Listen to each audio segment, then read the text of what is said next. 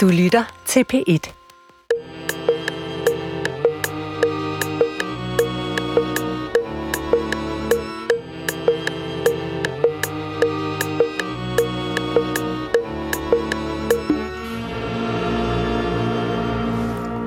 Goddag, mit navn er Peter Lund Madsen, og rigtig hjertelig velkommen til Hjernekassen på P1, som i dag øh, har et emne, som er foreslået af en lytter, Anne Merete Lav. Øh, og hun skriver, vi er flere, som har prøvet at fortælle for eksempel en god bog, vi har læst, men så kan vi hverken huske titel eller navn på forfatteren, men vi kan sagtens huske, hvad bogen handler om, og huske beskrive mange handlingsforløb fra bogen. Hvad er det, der foregår? Og det vil vi jo gerne prøve at besvare det spørgsmål, og derfor handler det i dag øh, overordnet om hukommelse. Og jeg har tre gæster, Thomas Tavlo Rab, Peter Krøjgaard og Gunhild Valdemar øh, med os. Peter Krøjgaard er ikke i studiet, han sidder i det store studie i Aarhus og er med på en telefon, men det kommer garanteret til at fungere øh, godt. Og jeg vil sige på hver jeres måde, velkommen til jer tre gæster. Velkommen til lytterne, velkommen til Hjernekassen på P1. Du lytter til Hjernekassen på P1 med Peter Lund Madsen. Og Hjernekassen skal i dag handle om hukommelse, og min første gæst, det er Thomas Tavlo Raab, som er forfatter og foredragsholder, og som har skrevet en bog om hukommelse. Og øh, velkommen til dig, Thomas. Vil du, Jo, tak. øh, vil du starte med ganske kort at fortælle lidt om dig selv, øh, og så går vi til hukommelsen. Jamen helt kort kan man sige, at øh, jeg de sidste mange år har beskæftiget mig med hjerner, og har jo dels også arbejdet sammen med dig, Peter. Ja. Øh, det er jo ikke nogen hemmelighed, at en bog om hukommelsen er en bog, vi har skrevet sammen i sin tid.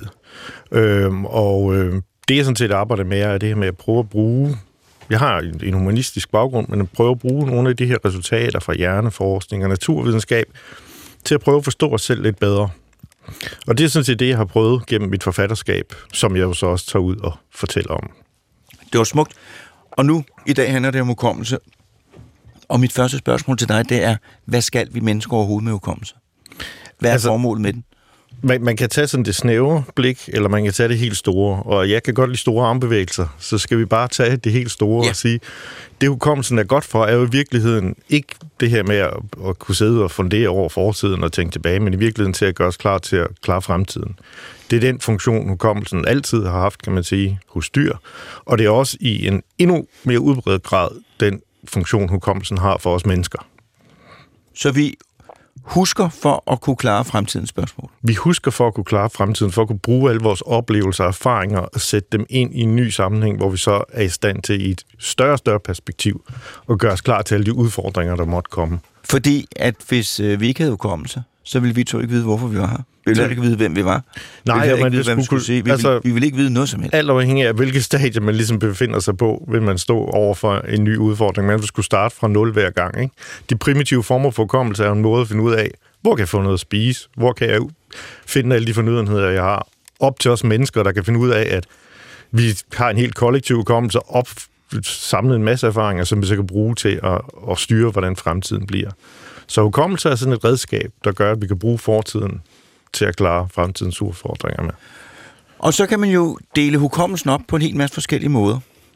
Vil du, vil du fortælle os lidt om det? Jamen, fordi der er, det, man kan sige, der er sådan lidt en, en misforståelse omkring hukommelse. Vi har sådan en tendens til, at hukommelse det er sådan er en ting. Ikke? Det er at huske tilbage i tid, øh, genkaldelse minder, og måske også gentagelse af faktuelle ting. Altså, øh, bare sådan at, at, at kunne genkalde os noget. Men i virkeligheden er hukommelsen, hvis man kigger på den, hvordan den er nedlagt hjernen, hvordan den fungerer, så er den jo mange, bestående af mange forskellige komponenter. I praksis arbejder de tit sammen, så vi lægger ikke så meget mærke til, at de er der. Men inden for forskningen har man set, at folk, der får hjerneskader af forskellige dele af hjernen, kan miste forskellige dele af den her samlede hukommelsesfunktion.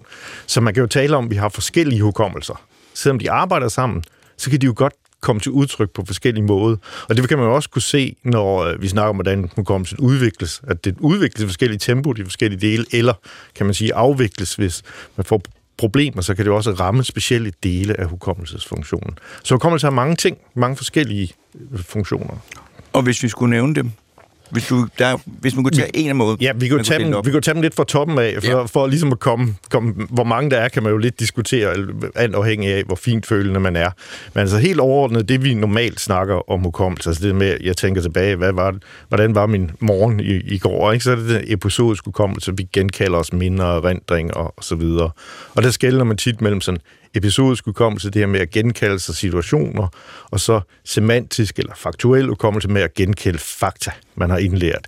Det er sådan de her, det man typisk tænker på, altså bevidste former, når vi genkalder os ting. Så der er den form for hukommelse, som er episodisk, det er minder, kan man Ja, sige. ja. Og så er der den faktuelle, det er det, man kan slå op i en bog, i et leksikon. Ja. Hvor lang er Nilen, hvor, hvor, hvor mange former for hukommelse er der, alle de der Ja. faktuelle ting.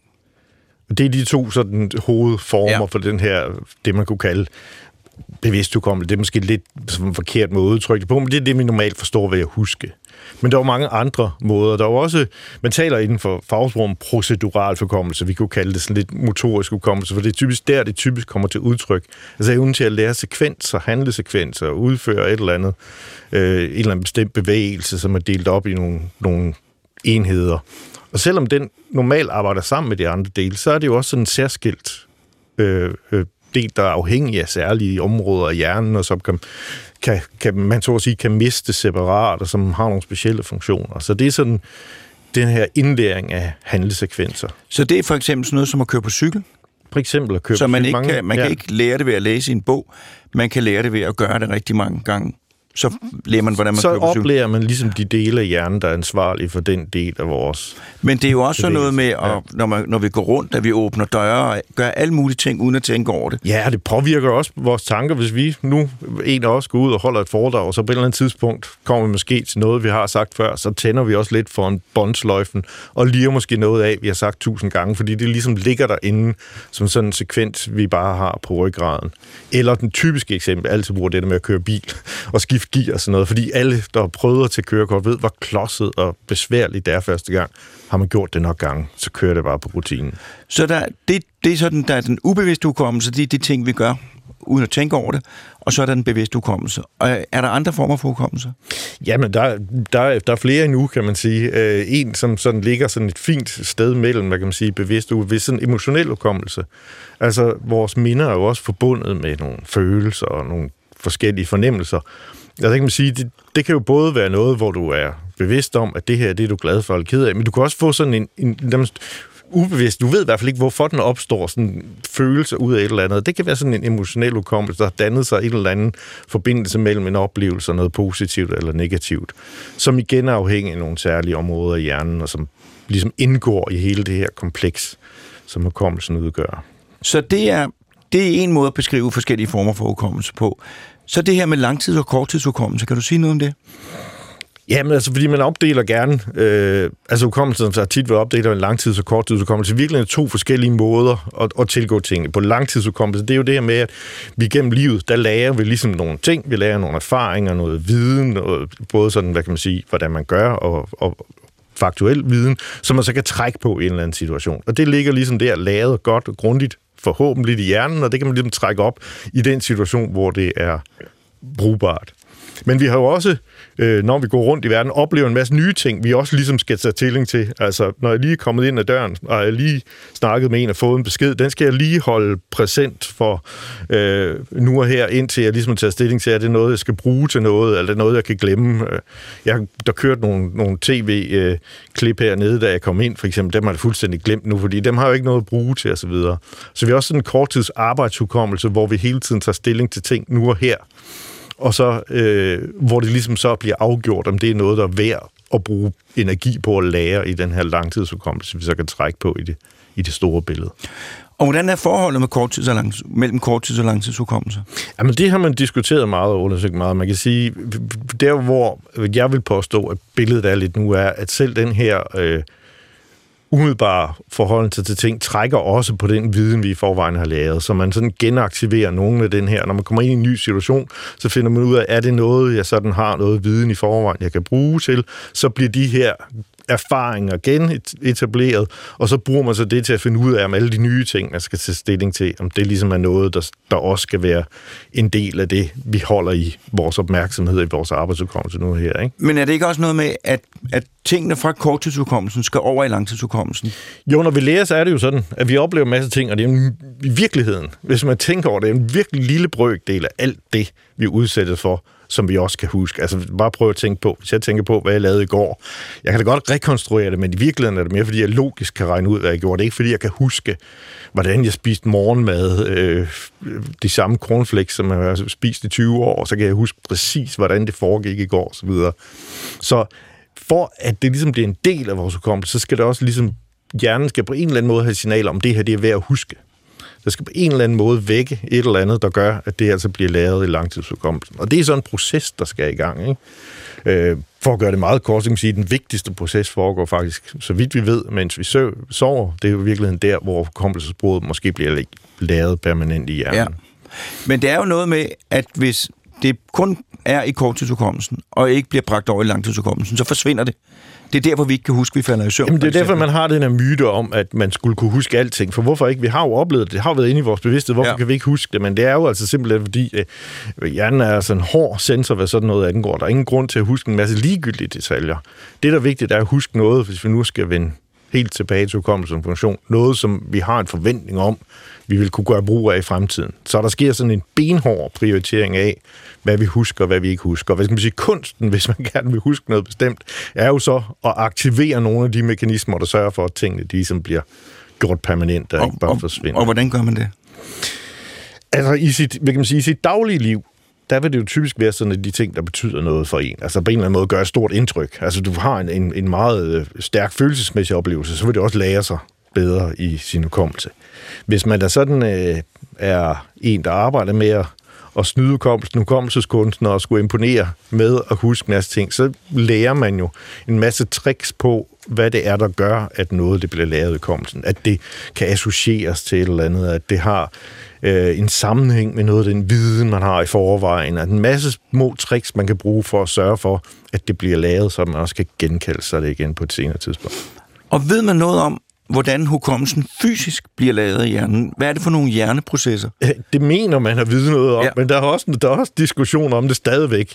Øh, men man, man kan vel godt med forholdsvis sindsro sige, at det vigtigste øh, i vores hukommelsespor bliver lavet i de forbindelser, der er mellem de enkelte celler i hjernen. Altså det er simpelthen de nervecelleforbindelser, der går fra den ene hjernecelle til den anden, der i sidste ende er det netværk, der gør, at vi lærer vores hukommelse. Så, så, så hjernen, der består af nerveceller, mm. og de her nerveceller forbinder sig med, forbinder sig med hinanden, ja. og der, der opstår simpelthen nye nervecelleforbindelser, når noget lærer sig rigtigt i vores hukommelse. Der opstår nye eller allerede eksisterende etableres, eller også forsvinder nogen og så videre. På den måde ændrer hukommelsen ja. sig hele tiden dynamisk. Det er ikke bare sådan et lag, hvor noget bliver sat ind, og så på et tidspunkt senere tager man det frem. Det ændrer sig hele tiden, når vi husker tilbage på et minde, kan det også ændre karakter. Og, og, og hvor henne i hjernen, kan, kan man sige noget om det? Hvor henne, altså hvis nu, når du sidder og tænker tilbage på den gang, du var i radioen, hvor vil den erindring læres i hjernen? Kan du sige noget om det? Det er jo sådan et helt, øh, hvad kan man sige, øh, trinforløb, ja. hvor tingene læres øh, lidt efter lidt. I sidste ende, så øh, er vores hukommelse spredt ud over hjernen. Altså, hvis vi nu tager mennesker, så vil det være hjernebarken, hele den her kolossale kappe af hjernemasse, der dominerer menneskehjernen, udgør 75, mere end 75 procent af vores hjerne. Ikke? Det er i virkeligheden der, man kan sige, det lager os. Men for at vi lige kan holde styr på det, så skal det jo ligesom lagres på en måde, hvor at øh, de ting, der ligesom hører sammen, de også har en eller anden sammenhæng. Og det varetages i vidt omfang af et område nede i tændingelappen ude siden på hjernen, der hedder hippocampus, som i mange, mange år har været forbundet med hukommelse, som også tit, måske lidt forkert, men som man også omkalder som, som hjernens hukommelsescenter, fordi den har en central rolle i forhold til. Den koordinerer det hele. Den koordinerer det hele, kan man men, sige. Men når jeg den her erindring for mig, der vil synsindtrykkene blive lavet nede i nærheden af, hvor hjernen analyserer synsindtryk, høreindtryk i nærheden af, hvor den, og så videre. Men i hvert fald sige, når man genkalder sig situationen, så sker det ved en genaktivering af alle de her områder i hjernen, som er aktiv, når man oplever situationen første gang. Og det er så hippocampus, som, som koordinerer det her. Det vil det i hvert fald være i den første periode. Altså, det, det er et meget centralt område, når det handler om det her med at forstå, hvordan vores minder og alle de her oplevelser, de bindes sammen til sådan en samlet oplevelse, og ikke bare fragmenteret sanseindtryk. Ikke? Og så så noget som faktuel hukommelse. Øh, det der med, hvor lang er Nilen, og hvem spillede hovedrollen i mordet på Nilen. Øh, alle de her ting. Det ligger jo også lavet ind i vores hukommelse. Ja. Øh, hvordan finder hjernen ud af at hente den rigtige hukommelse, når den har brug for det? Altså, hvis, hvis vi vender tilbage til lidt det spørgsmål, vi tog ja. udgangspunkt i, øh, så, så en af forklaringerne på, at vi måske har en tendens til at glemme, hvem det var, der har skrevet bogen, hvad titlen på bogen var. Man godt kan huske handlingen, er jo, at hukommelsen grundlæggende fungerer ved hjælp af association. Altså, jo mere du har forbundet med et bestemt faktuelt ting, jo nemmere er det at genkalde den når man sidder i den varme stol, hvem er millionær, og får et eller andet spørgsmål, så handler det om at finde ud af, hvad har jeg af associationer til det her spørgsmål, så jeg kan trække på et eller andet, jeg ved. Så jeg har et eller andet at hække mit gæt op på. Ikke? Og det, som sker, er jo typisk, at øh, forfattere er jo så frække, at deres navn normalt ikke rigtig relaterer sig særlig meget til indholdet af de bøger, de skriver. Det vil sige, at hvis, man ikke, hvis det ikke er en forfatter, man har beskæftiget sig særlig meget med, så er det ikke så meget i navnet i sig selv, der kan associere til den bog, man har læst. Så det kan være svært at huske den slags information, der sådan er særskilt og ikke har så meget med andet at gøre, end det har med handlingen, hvor at den ene person har med den anden at gøre, og de har en eller anden relation osv. Det indgår i et hele, og kan man huske enkelte dele af det hele, så er det sådan nemmere at få sådan hele historien frem, i, når man forsøger at genkalde sig, hvad der er sket. Så forklaringen, din forklaring på, på, på lytterens spørgsmål, det er, at, at navnet, det hænger og svæver frit i luften, så derfor kan det være svært at huske en handling, som er en del af en stor helhed, som har berørt en følelsesmæssigt, og som man øh, har beskæftiget sig med. Det er en af forklaringerne på, at vi har en tendens til at glemme de der faktuelle ting. Ja. For det sker ikke det, som man tror, at man, som det vil foregå i en computer med et lagerhukommelse, at man tager et bestemt navn, sætter det ind på en hylde, og så bare skal finde hylden igen. Det er som en del af den her helhed. Og hvis der ikke er så mange relationer mellem en enkelt faktuel bid, og så resten af historien kan det være svært at huske. Det vil sige også folk, der ikke er, som udgangspunkt interesserer sig voldsomt for tal eller størrelse, så kan måske også have svært ved at huske præcise tal i en eller anden historie, de har fået fortalt, end hvad handlingene er, eller hvilke personer, der var med osv. Hvad så, når man, og det har jo lidt med det at gøre, når man så bliver spurgt om forfatternavnet, og man ved godt, man kender det, man har svaret på tungen, men man kan ikke få det frem. Hvad er det, der sker? så, så, så vidt vi ved, så hænger det sammen med, at øh, vores hukommelsessystemer herude i siden af hjernetegenlammerne er struktureret på sådan en måde, at der er forskellige små områder, der tager sig af forskellige ting. Altså, der er en del af hjernen, der vil reagere på, det her det er noget, jeg, jeg har set før. Sådan en genkendelse. Andre vil være med i den her op, gav for eksempel, det her, det er noget, jeg har set mange gange. Eller Øh, andre vil have den opgave at genkende sig, hvad det her egentlig er. Og normalt så fungerer det bare sammen. Hey, det er noget, jeg kender. Det bør jo ham der, ikke? Men hvis nu de her dele, de bliver aktiveret, kun nogle af dem, så vil man have en fornemmelse, det her, det burde jeg vide. Men den del i hjernen, der så skulle genkende til navnet, den er ikke lige vågnet lige klar. Op. Så man har den her fornemmelse af, det var, hvem er det nu, det er? Ja. Det er jeg ikke lige kommet på, ikke? Fordi at det sådan set er forskellige dele, der aktiverer de forskellige ting, men normalt arbejder de sammen, så det mærker vi ikke noget til. Men i princippet er det altså forskellige funktioner, der, der arbejder sammen. Og så er der jo nogen, der siger, mange, at øh, med alderen, der kan det jo blive mere og mere hyppigt, at man har den her fornemmelse af, at man ikke kan huske et navn eller en ting. Har du en forklaring på det? Øhm, jeg har en forsøgsmæssig forklaring. Det er ikke det, jeg er den, den største ekspert i, så det kan, skal jeg nok lade være med at, at gøre mig til. Men en mulig forklaring er, at man jo i de senere år kommer mere og mere fokus på, at hvad skal man sige, vores hukommelse og vores hjerne det hele tiden jo ændrer den måde, vi arbejder på med alderen. Altså, vi bliver bedre til måske at se sådan det generelle billede, se nogle store træk, bruge nogle generelle opfattelser af, hvordan situationen er til, at forudse, hvordan tingene vil gå, hvor at den yngre hjerne er typisk bedre til at huske sådan helt specifikke detaljer. For når man ikke har et stort overblik, så kan det være en stor fordel at huske alle de her specifikke detaljer. Når man har sådan lidt mere erfaring for at kunne genkende, den her situation minder ret meget om noget, jeg har været med før. Vi tager det roligt. Det er ikke vigtigt, hvordan det helt præcis går. Så hjernen ændrer lidt modus. Og så er det jo klart, at når man så kommer i en situation, hvor man bliver bedt om at huske alle de små detaljer, så er det, den ændrer hjernen måske ikke den, der står allerforrest i køen, når det, jo, det gælder. Men det er jo også fordi, at der er mange, mange flere navne man skal huske. Og det har også noget at gøre med, hvad man egentlig har interesseret sig for. For hvis du så tager en person, der har interesseret sig for et bestemt felt hele sit liv, og som har sådan en kæmpe stor vidensbank af, hvordan tingene hænger sammen, så vil de jo meget nemmere kunne inkorporere viden i det her net. Så inden for det felt, der vil de sikkert huske alle de små detaljer. Og når man så kommer hjem, så glemmer man alle de der små detaljer i hverdagen, som, som vi alle sammen kender til. Tusind tak, Thomas.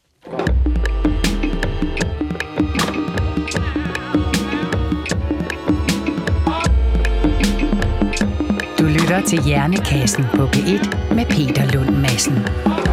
Som i dag handler om hukommelse, og øh, jeg har talt med Thomas Tavlov Rap, og nu skal vi til noget stort her i Hjernekassen, for nu er vi på en digital forbindelse til Aarhus, hvor i et studie Peter Krøjgaard sidder, og Peter Krøjgaard er professor i udviklingspsykologi ved, på Psykologisk Institut ved Aarhus Universitet. Og jeg vil jo ikke sige, jo, velkommen, for du sidder i DR's lokaler. Tak.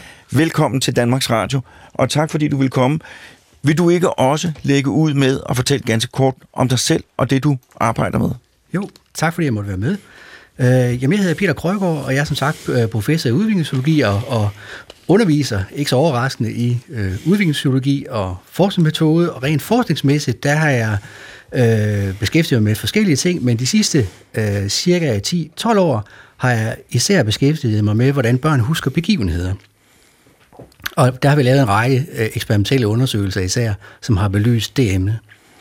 Så den del af, øh, af hukommelsen, øh, som øh, Thomas snakkede om, som man vil kalde episodisk hukommelse især. Og det er jo hos børn, og dermed er det også nogle gange hos, øh, hos mennesker, der er så, så nye her i verden, at de ikke har noget sprog. Ja. Øh, prøv at fortælle lidt om dit arbejde. Jamen, øh, hvis i de, altså normalt, så vil man, hvis man undersøger børns hukommelse for begivenheder, så vil man, den typiske model vil være, at man øh, spørger børn om, hvad de har oplevet. Og nogle gange så er det iscenesatte begivenheder, og andre gange så er det sådan mere øh, frit. Men hvis børnene nu er så små, de ikke kan sige noget, så er det lidt et andet øh, scenarie, fordi så kan man jo spørge børnene herfra til Polen, men de kan jo ikke sige noget, så der skal man finde en anden måde at øh, vriste svar ud af dem på. Øh, så der har man nogle mere øh, øh, simple paradigmer. Man har basalt set tre måder at spørge til børn, øh, som ikke har noget sprog. Det ene, det er sådan nogle nu vil jeg bare nævne dem, fordi der er nogen, der er mere eller mindre relevante i den her sammenhæng. Øh, det er, det er sådan nogle kiggetidsparadigmer, hvor man simpelthen registrerer, hvor lang tid børnene kigger på det, man viser dem. Det andet, det er sådan nogle betingningsparadigmer, hvor man øh, øh, lærer børnene nogle associationer, og så kan man så se, om de associationer de er opretholdt. Og den sidste form, det er måske den, der minder mest om begivenheder. Det er det, man kalder øh, forsinket imitation. Det er, at man viser børnene en motorisk sekvens. Det kan være at stille øh, to klodser op øh, over for hinanden på en bestemt måde, og så ser man, om barnet kan gengive den sekvens efter en forsinkelse. Det sidste, det minder jo lidt om, hvis, hvis den her sekvens har mere end et trin, så kan det jo minde om en begivenhed og som minder om det, vi gør, når vi fortæller om, at vi var, da vi spiste morgenmad her til morgen, eller da vi var i Legoland i går, eller hvad vi nu har oplevet. Så det er den, der kommer tættest på en egentlig begivenhed, men som ikke rummer et sprogligt indhold. Og øh, hvornår begynder børn at kunne huske? Og det er et meget, meget åbent spørgsmål. Jamen det, øh, i princippet så øh, øh husker de faktisk fra, øh, altså fra, de, fra de er født. For eksempel så kan øh, nyfødte faktisk øh, genkende mors stemme frem for andre mødres stemme, og kan også øh, genkende faktisk lugten af hendes mælk, når de er tre uger gamle. Så i princippet så er hukommelsessystemet op at køre øh, helt fra starten af, men de virker bare ikke nær så godt som, som, som det gør hos os voksne. Så, så i princippet, så, så kvalitativt er det ikke anderledes, men kvantitativt er det meget anderledes. Og det bliver så hele vejen op gennem opvæksten, bliver børnene tiltagende øh, øh bedre til at huske, så at sige, på, på, på alle parametre. Så, men i princippet, så er øh, evnen til at huske er så at sige til stede øh, fra starten af. Det er bare langt mere øh, skrøbeligt, og, og, og det er også langt sværere for børnene at, at, at, at få fat i de erindringer, som måske så ligger der. Og hvad så noget? Altså, jeg, jeg kan jo ikke huske... Det første, jeg kan huske, det er lige der, hvor jeg bliver tre år gammel. Ja. Og det synes jeg er det samme, jeg hører, ja. når jeg taler med andre. Er, er, er, er det sådan, det er? Jamen det er det, og, og der, kommer, der, der er det vigtigt at skænde mellem, hvad det er for nogle typer af hukommelse, vi snakker om. Fordi det, du nævner der, det er øh, det, man kalder, det fænomen, man kalder barndomsandesi, som øh, Freud faktisk var den, der navngav som fænomen. Øh, og, og det er det fænomen, at vi som voksne kun har få eller meget få erindringer fra de første 3-4 år af vores liv. Men det betyder jo ikke, at vi ikke husker alt muligt andet. Vi har for eksempel lært at både at gå og tale og alle mulige andre ting, som jo har siddet der. Men det med at fortælle om konkrete oplevelser eller erindringer, vi har haft, der er det som om, at der, der er det lidt øh, et lukket land. Det har vi faktisk ikke ret god adgang til.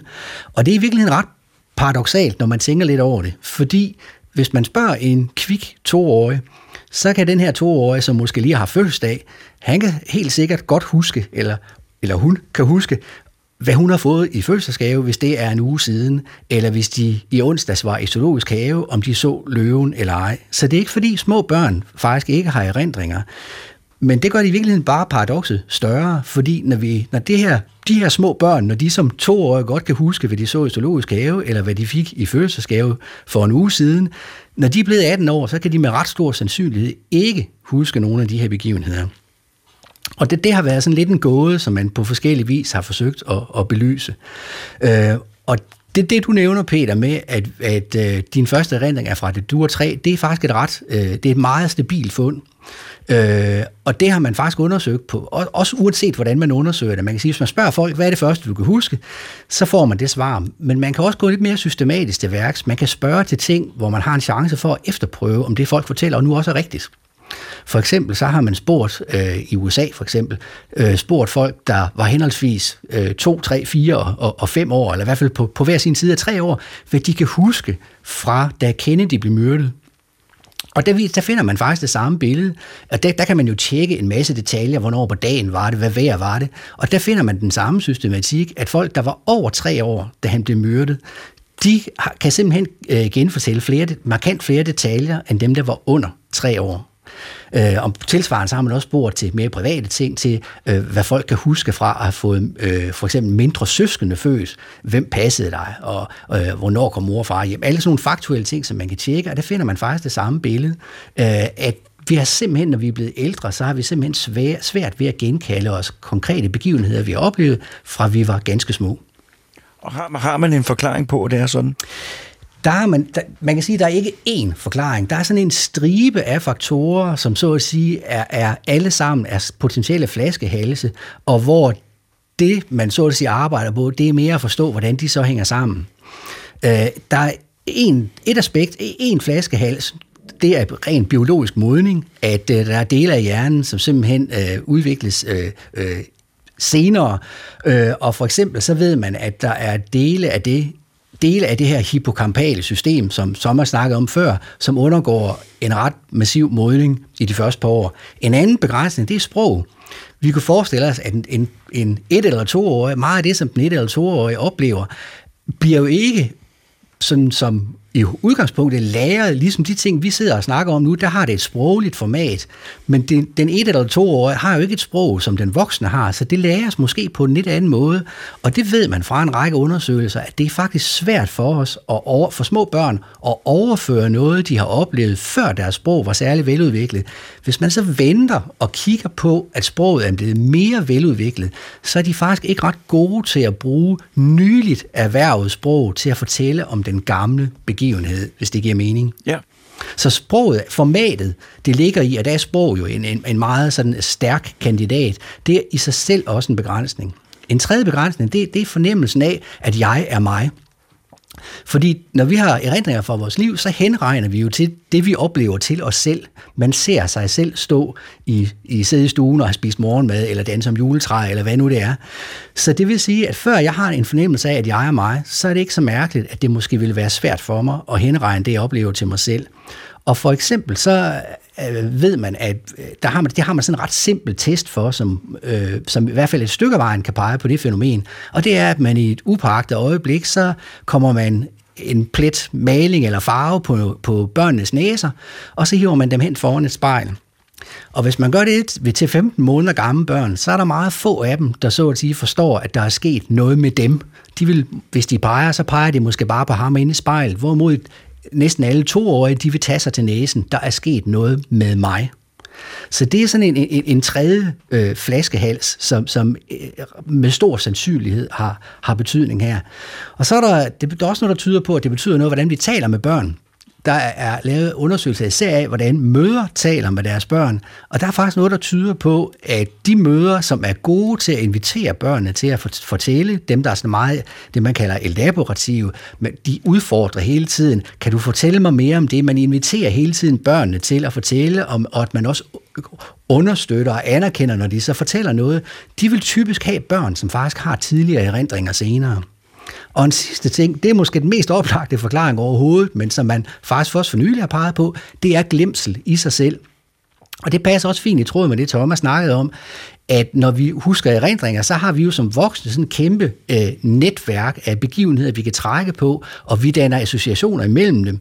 Og hvis, hvis jeg siger sommerferie, eller jeg siger sko som association, så, så kan de to forskellige begreber godt lede til samme erindring. For børnene, der er de, der er de associationsnet meget mere vage, så de skal sådan set mere direkte finde erindringen for at få fat på dem.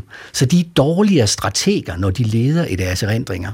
Så det vil sige, at der, de ting, som små børn oplever, de har simpelthen en større risiko for at blive vasket ud undervejs, end de ting, som vi oplever som voksne. Ja, fordi at jeg, altså, jeg tror, at de første erindringer, jeg har, det er sådan et eller andet med, at jeg blev gynget i hovedet. Der var en gynge, der slog ind i hovedet på mig. Men det, jeg husker, det er jo ikke den ting. Det er jo, Nej. jeg husker jo, at jeg huskede det engang.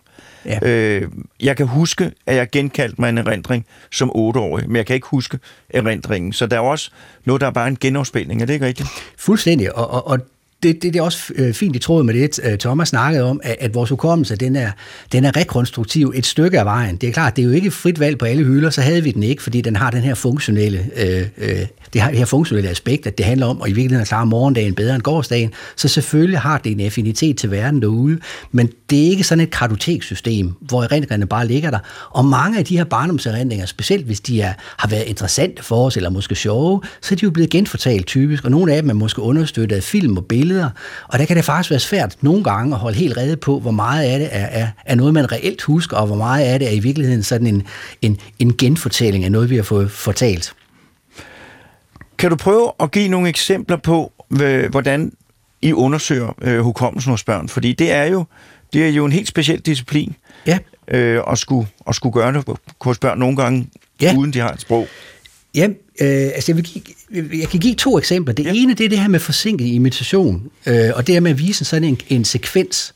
Øh, og det er i virkeligheden, det er interessant på mange måder, fordi det er børn faktisk ret gode til de kan øh, imitere meget simple handlinger. Det er omdiskuteret, hvor tidligt de kan det, men i hvert fald ned til, til ni måneder, hvis de ellers skal have en handling, de motorisk kan styre, hvor de kan huske til dagen efter, hvor de kommer tilbage og kan gengive sekvensen. Nogle studier peger på ned til seks måneder, det er mere omdiskuteret. Det, der er interessant lige, pris, lige præcis med det, det er, at det er jo en procedure, som børnene husker. Men der er faktisk meget, der tyder på, at den procedure i virkeligheden ikke læres, som man skulle tro, under den procedurale hukommelse, men at det faktisk er et udtryk for deklarativ hukommelse som er den her, man typisk forbinder med at kunne fortælle om noget, som Thomas snakkede om, at, at, som er delt op i episodisk og semantisk. Fordi man ved faktisk, at voksne, der får, der får en hjerneskade, sådan at de har problemer med den her eksplicite eller deklarative hukommelse, de har interessant nok faktisk problemer med forsinket imitation. Så, men, men forsinket imitation er sådan et, et, et ret stærkt paradigme, som man har undersøgt meget. Noget andet, øh, noget som vi måske især har gjort i Aarhus, det er, at vi har kigget på det, man kalder spontane erindringer. Øh, og det er, øh, altså basalt set, så kan vi komme i tanke om ting på to måder. Jeg kan, øh, jeg kan spørge dig, hvad fik du til morgenmad i morges, og så kan du lede du i dine erindringer, og så fortæller du, du mig om det. Men hvis jeg nu ved, at du har fået cornflakes, så kan jeg måske også stille en cornflakespakke foran dig, og så kan jeg så at sige på den måde give dig en ledetråd, som ikke kræver, at du øh, nødvendigvis leder. Måske ser du bare cornflakespakken, og så siger du, det fik jeg i øvrigt også i morges. Det har man undersøgt ret indgående med, med og det ser min kollega Dorte Bernsen, som faktisk er blevet verdensberømt på at undersøge det hos voksne det, hun kalder involuntære eller spontane erindringer hos voksne. Altså erindringer, der kommer til en, uden at man beder dem om at komme, som bare kræver en association, men ikke nogen søgeproces. Det har vi faktisk også begyndt at undersøge ret minutiøst hos øh, små børn i Aarhus, og det har skabt nogle, det skaber selvfølgelig nogle udfordringer, fordi spontane erindringer, de er jo netop spontane, og egner sig derfor ikke ret meget til at lave eksperimenter. Eller man kan i princippet sidde længe i laboratoriet og vente på, at nogen får en spontan erindring. Men vi har faktisk fundet et paradigme, hvormed man kan skabe eller øh, fremkalde de her spontane erindringer. Så det vi gør, det er, at vi viser børnene øh, vi sender dem ind i, i rum, som er specielt indrettet. Der er to kasser, og i den ene kasse, der er der nogle mekaniske bamser, i den anden kasse er der nogle spil.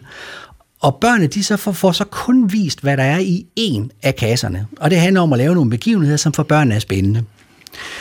Og så leger de så med de her bamser, man fortæller en lille historie om, hvis det er bamsebegivenhed, de siger, eller de indgår i nogle spil, og det synes de også er sjovt, fordi vi sørger for, at de vinder.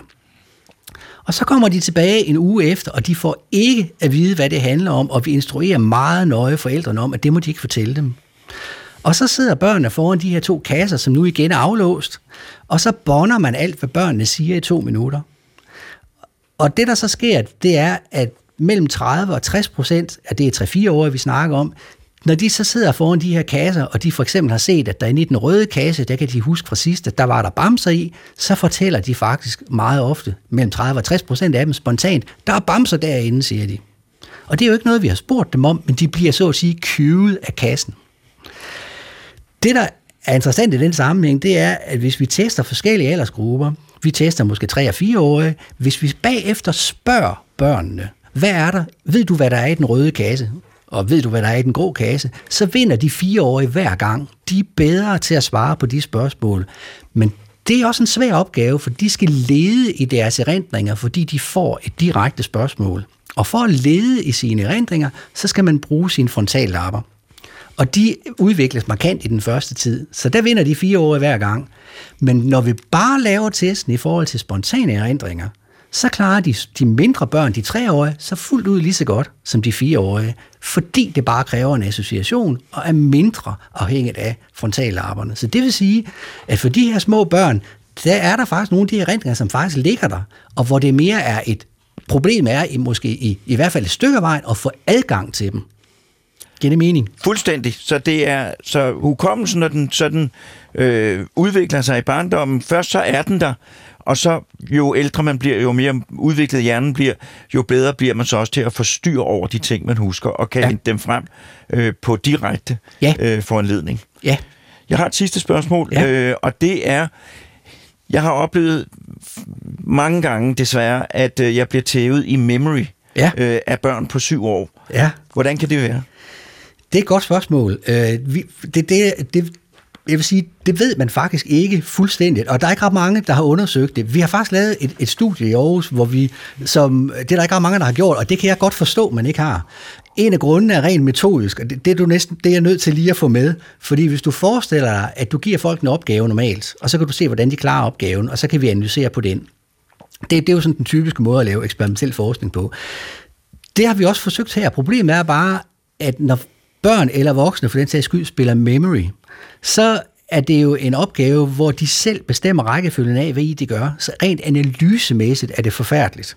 Men det, det er så mere, ikke for at vi skal sidde her ondt af os, men det er en af grunden til, at man ikke har undersøgt det her særlig indgående, skal jeg helst sige. Men så, nu, nu til, hvad det så viser.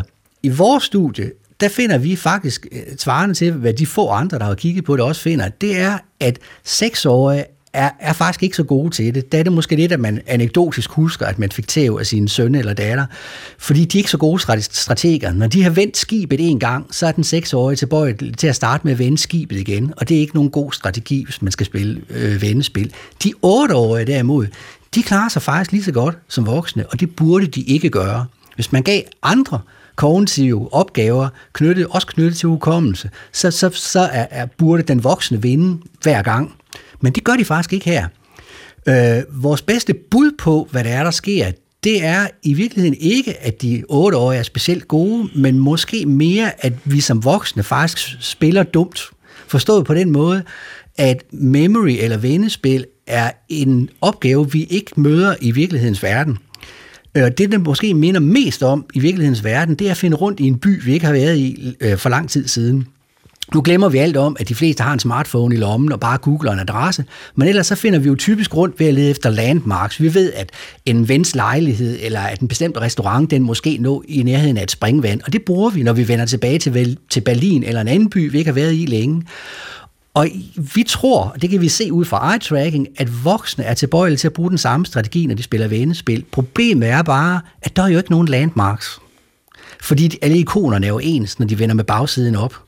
Så, så, så voksne har mange flere forsøg i nærheden af det rigtige ikon, end børnene har. De husker bare forkert. Så, så, så det er simpelthen fordi, jeg bruger den forkerte strategi? Ja, ja. Peter, tusind tak, Selv fordi tak. du ville være med. Tak fordi jeg måtte. Du lytter til Hjernekassen på P1 med Peter Lund Madsen. Og i dag der handler det om hukommelse, og vi har hørt om hukommelse i al almindelighed, og om hukommelse hos børn. Og min tredje gæst, det er Gunhild Valdemar, professor, overlæge, doktor med National Videnscenter for Demens på Rigshospitalet og også Københavns Universitet. Og velkommen til dig, Gunhild. Mange tak. Og øh, det, vi skulle tale om, det var jo om, om, øh, om, øh, om, alt, øh, om hukommelse hos ældre, og noget med, øh, hvad det er, der sker med hukommelsen, når man kommer til at, hvis man kommer til at lide af demens. Ja. Man kan sige generelt, som vi også allerede har hørt, så øh, får vi mere erfaring som ældre. Men øh, der, hvor det kniber lidt mere, det er med tempoet i løsning af opgaver. Øh, og øh, også lidt med at finde ordene. Øh, det kan godt øh, være øh, normalt, kan man sige. Men øh, det er også sådan, at øh, der er nogle alvorlige sygdomme, man kan få, som øh, kan ramme hukommelsen. At hukommelsen, som vi lige har hørt om, også er meget, en meget sårbar del af hjernens funktion. Og det gælder især den demenssygdom, der hedder Alzheimer's sygdom, som ofte begynder med problemer med hukommelsen. Er det hukommelsen noget af det første, der kommer Ja. i Alzheimer's sygdom? Ja, det vil det være i langt, langt de fleste Ja. tilfælde. Og, øh, og der, hvor man især øh, bliver ramt, det er jo på det, vi har fået beskrevet som den episodiske hukommelse, altså den hukommelse, der knytter sig i tid og sted til, til noget, man lige har oplevet. Og øh, øh, øh, der vil også være mange, der som øh, vi nu hørte øh, i indledningen et, øh, et spørgsmål øh, omkring at med navneord. Ja. Øh, øh, og som jeg sagde, det kan godt være normalt i et vist omfang, at der er nogle navne, man skal søge efter. Men typisk vil det hjælpe at få en ledetråd, en cue, som vi kalder det. Øh, men øh, har man sådan en sygdom på vej her, så er det ikke sikkert, at det er nogen hjælp øh, få, at få en cue. Nej. Så øh, der kan være mange eksempler på, hvordan den her hukommelse kan øh, gå i stykker, og hvordan det kan vise sig. Øh, Øh, og hvis jeg nævner noget, som nu mange, måske øh, især med årene, kan løbe ind i af problemer, så kan det være at huske, hvor var det lige, jeg parkerede min bil henne i dag. Hvis man nu parkerer i det samme parkeringshus hver dag, og øh, var det nu niveau 3 eller niveau 5 i dag, eller hvordan. Øh, og det kan, tænker jeg godt kan være normalt, men man finder sin bil. Og det er jo også noget med, Og- hvis man har parkeret bilen rigtig mange gange, Ja. så flyder de jo ud i hinanden. Ja, det er nemlig rigtigt. Øh, men hvis man nu øh, er kørt hen til sin frisør, som man øh, som måske bor i en anden by, øh, og parkeret der, og, øh, og man er kommet hos den frisør i mange år, øh, men så en dag, så kan man ikke finde sin bil. Og man faktisk heller ikke, det er heller ikke lykkes at finde bilen, og man er nødt til at tage hjem uden bil, og få familien til at køre rundt og lede efter sin bil. Så kan det godt være abnormt. Øh, Så kan det i hvert fald være god grund til at tale med lægen om det. Så når tingene bliver, altså, hvor man ikke kan lede sig frem til det, Ja. hvor det bliver, så, så kan det være et tegn på, Ja. at der er begyndende Og generelt, hvis symptomerne forværres, kan man sige. Ja. Det er jo øh, det er jo meget generende at have den her form for hukommelsesvækkelse. Øh, og, og nogen vil opleve at have det lidt sådan i den retning i stressede perioder, men så går det over igen. Men hvis det ligesom er vedvarende, og det bliver værre, og andre også lægger mærke til det, så kan man sige, at der er grund til at søge læge. Det, der så er det specielle øh, ved de her sygdomme, er, at, at øh, der ofte er øh, tilstødende områder af hjernen, som, som også er lidt syge. Og nu har vi jo allerede lært, at hukommelsen det er øh, knyttet især til den tændingerlappen, og til den mediale side af tændingerlappen, sådan indersiden kan vi sige, og specielt til et område, der hedder hippocampus, som er et sårbart område. Øhm, men øh, ofte vil tilstødende områder af hjernen allerede være en lille bitte smule ramt. For eksempel det sproglige område af hjernebarken. Øh, og øh, også måske øh, noget af den frontale del af hjernen, som vi hørte øh, Peter øh, fortælle om før, øhm, at, som kan påvirke den måde, vi kan rekruttere, mobilisere, kan man sige, vores hukommelse på. Men også det, om vi har selv forstår, at der er noget galt eller ej. Fordi det kan jo være rigtig svært, hvis man ikke selv kan mærke, at der er noget galt, og det kun er andre, der lægger mærke til det. Så, så hvis du nu øh, skulle fortælle generelt, hvad er det, der sker øh, i hjernen ved Alzheimer's syge? Som gør, man Alzheimer's sygdom, der sker der det. Øh, vi tror, det er noget af det første i hvert fald. Der hober der sig et protein, et æggehvidstof op i hjernen, som hedder amyloid. Og øh, det er så småt, at man skal have et mikroskop for at se det, kan man sige, øh, i noget hjernevæv. Øh, og øh, det vil øh, typisk begynde i det område, det ved vi fra, fra flere studier, og for dem, der har risiko for senere i livet for Alzheimer's sygdom, der begynder det måske allerede så småt i, i 30-årsalderen, 40-årsalderen. Øh, og, øh, og så vil det brede sig til gradvist til andre områder i hjernen. Der kommer også et andet øh, abnormt protein, der hedder tau. Og øh, øh, det øh, breder sig også, kan man sige, og også samlet set med til at forstyrre nervecellernes funktion. Amyloid det lægger sig imellem nervecellerne, som vi kalder neuroner, og tau lægger sig inde i nervecellerne og forstyrrer ligesom de der transportbaner, der er inde i nervecellerne. Så der kommer sådan en generel nedsættelse? Ja, det af... betyder faktisk, at, at øh, neuronerne, nervecellerne, som jo hele tiden Øh, øh, møller med aktivitet, sådan at forstå, at de taler med hinanden hele tiden. De sender signalstoffer til hinanden, for blandt andet at løse alle de opgaver, som vi nu har hørt øh, både Thomas og Peter fortælle om. Øh, men det bliver de ikke særlig gode til, når de hele tiden skal slæbe rundt på det der proteinstof ind i hjernen, og også øh, imellem sig. Så, øh, så kan man sige, at øh, signalerne mellem de forskellige øh, neuroner, øh, de bliver svagere og øh, går efterhånden mere og mere øh, til grunden. Og, og, og når det har stået på et stykke tid, så er det, man får symptomer. Og det er, der hvor man ser de første symptomer, det er ved de mest overordnede hjernefunktioner, er det rigtigt? Ja, man kan sige, at, at det i hvert fald de første symptomer, det er ofte noget med hukommelsen, men faktisk, så allerede på det tidspunkt, hvor vi kan måle, at der er noget med hukommelsen, så vil der typisk også være noget øh, lidt mere, som rækker ud over hukommelsesproblemer. For eksempel apati, øh, social tilbagetrækning, fordi man måske føler sig usikker på sig selv. Begrænset indsigt hos nogen i hvert fald, men ikke hos alle men hos nogen en begrænset indsigt i, at der er noget galt, eller måske en bagatellisering, man siger, jamen det er da rigtigt, jeg husker ikke så godt, men hvem gør det, og, og jeg er jo også oppe i årene, og øh, selvom det for de pårørende helt åbenbart har ret alvorlige konsekvenser, så bagatelliserer man det måske.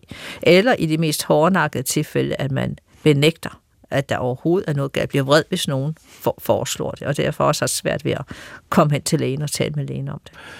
Så hvad er det, man skal, øh, man, man, man skal lægge mærke til? Er der sådan nogle ting, man, man, altså nu, der, nu fortalte du med hukommelsen, er der andre specifikke ting, man skal lægge mærke til? Ja, altså ofte er det jo sådan, at, at øh, især de pårørende kan fortælle, at der kan have været nogle episoder, der måske rækker flere år tilbage, øh, øh, som de har undret sig over i øjeblikket øh, kommet med en forkert gave til en person, insisteret på, at det var den rigtige gave, eller ja, for eksempel.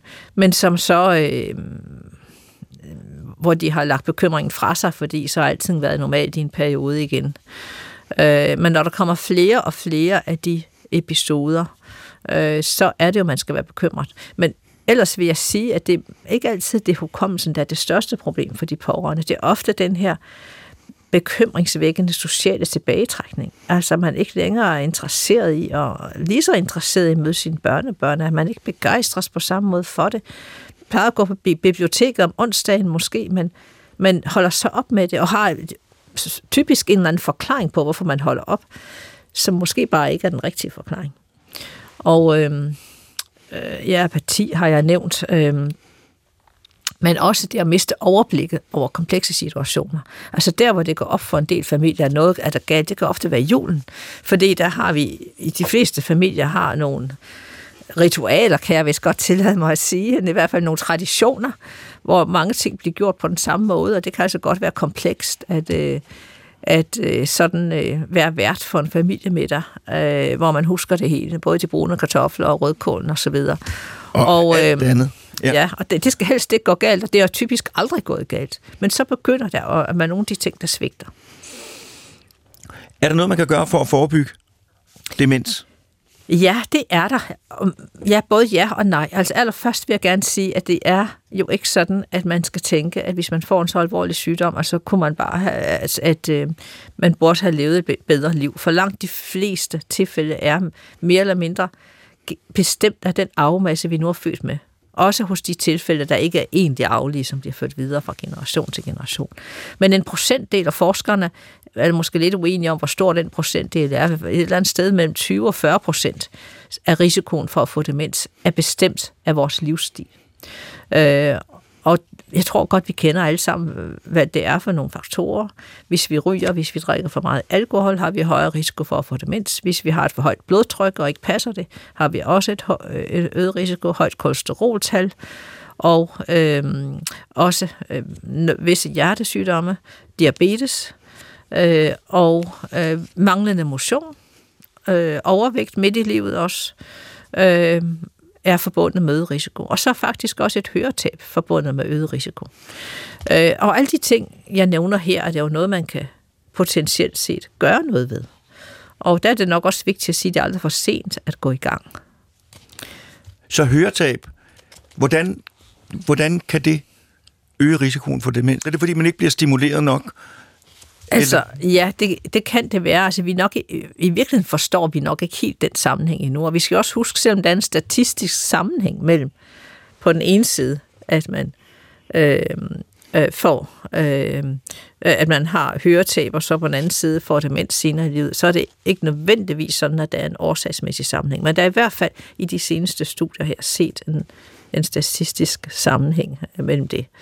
Øh, og det kan, som du siger, have noget at gøre med, at hvis man ikke får korrigeret det høretab, at man måske ikke får det input, der skal til for, at man bliver stimuleret. Øh, og, og hvad vi måske ikke har været så meget inde på indtil nu, det er jo, at også den normale hukommelse hos normale jo meget er påvirket af uddannelse og kulturelle faktorer. Øh, så nu hørte vi, at der er specielle måder, hvor man kan undersøge for hukommelsen hos børn, der ikke har et sprog. Men vi skal også være opmærksom på, at, at øh, befolkninger jo blander sig meget mere nu. Vi har også etniske minoriteter i Danmark, som ikke har, kan man sige, øh, det samme øh, sproglige, øh, som ikke har samme uddannelse, øh, som øh, den gennemsnitlige øh, dansker måske har, og derved ikke øh, kan testes på samme måde. Øh, som måske ikke har, øh, og så kommer fra en anden kultur, hvor man øh, har en anden form for kendskab til forskellige typer af dyr, for eksempel. Ikke? Ja, og hvor man husker forskellige ting ja. og lægger betyd, ja. tillægger forskellige ting betydning, ja. som jo, som ja. Thomas sagde, spiller ind. Ja. Så det kan også, det kan også være med. Ja. Øh, kan man gøre noget mod demens? Altså for Alzheimer's sygdom, der har vi jo noget behandling, vi har haft i øh, cirka 20 år efterhånden, som vi har god erfaring med, som bedre symptomerne i en periode, gør man klarer sig lidt bedre i lidt længere tid, end hvis man ikke får behandlingen. Og de fleste tåler det uden bivirkninger, der er nogle få, der, der, der ikke har så let ved at tåle det. Øh, men det er desværre ikke noget, som fjerner, kan man sige, selve årsagen til sygdommen, og, øh, og, og dermed øh, ligesom kan for slet ikke helbrede jo øh, sygdommen eller stoppe den. Men øh, der er måske håb forude, fordi der er nu udviklet antistoffer mod øh, beta-amyloid, øh, hvor et af dem, øh, øh, eller faktisk øh, flere, ser ud til at med sikkerhed at kunne reducere, øh, hvis ikke ligefrem fjerne det her amyloid i hjernen. Øh, det, der diskuteres, det er, hvor, hvor meget virker det så på symptomerne. Øh, og... Øh, og, øh, og, og det er muligt, at man nu er ved at finde noget, der i hvert fald virker en lille bitte smule på symptomerne, uden at man bliver kureret, kan man sige, af behandlingen. Så vi er måske ved starten af en, af en ny, øh, kan man sige, periode i Alzheimer-behandlingen, hvor vi efterhånden får udviklet noget sygdomsmodificerende behandling. Og det er jo, nu må du rette mig, hvis jeg tager fejl, en af de allerstørste sundhedsmæssige udfordringer overhovedet, fordi at risikoen for demens øges jo med alderen. Vi lever længere og længere, så det her, det er noget, vi alle sammen på den ene eller den anden måde, enten familiemæssigt eller på os selv, kommer til at stifte bekendtskab med. Så hvis og når man kan finde en mulighed for at forhindre eller behandle det her, vil det være en kæmpemæssig ting. Det vil jo være helt fantastisk. Vi har en livstidsrisiko på 20-25 procent for at få demens alle sammen. Det kan godt være, vi, vi måske først får det øh, meget sent i livet og kun øh, må, må, må bøvle med det det sidste år af vores liv. Øh, men, øh, men andre øh, jo, mens andre har sådan en sygdom i, øh, i, i flere år. Øhm, og det er jo med rette en øh, sygdom, fordi øh, man med årene jo får det værre og mister på grund, blandt andet på grund af dårlig hukommelse, men også af andre grunde, øh, autonomi og, og handleevne. Ja. Gunhild, tusind tak, fordi du kom. Peter, tusind tak, fordi at du kom til studiet i Aarhus, og tusind tak til dig, Thomas. Øh, det var, øh, hvad vi havde i Hjernekassen øh, i dag. Jeg vil også gerne sige tak til Morten, som jo har været på ekstra arbejde i dag, fordi du skulle sørge for den her forbindelse til Aarhus, og der havde været nervøsitet, men det gik, synes jeg, fantastisk, og jeg kunne sidde og se Peter på en computerskærm, så det har næsten været som at have ham som gæst her i studiet. Så det kommer vi til at gøre igen. Jeg har kun tilbage at sige tak, fordi I lyttede med, og ønske en god uge, og sige, at jeg også håber, der er genhør om en uge.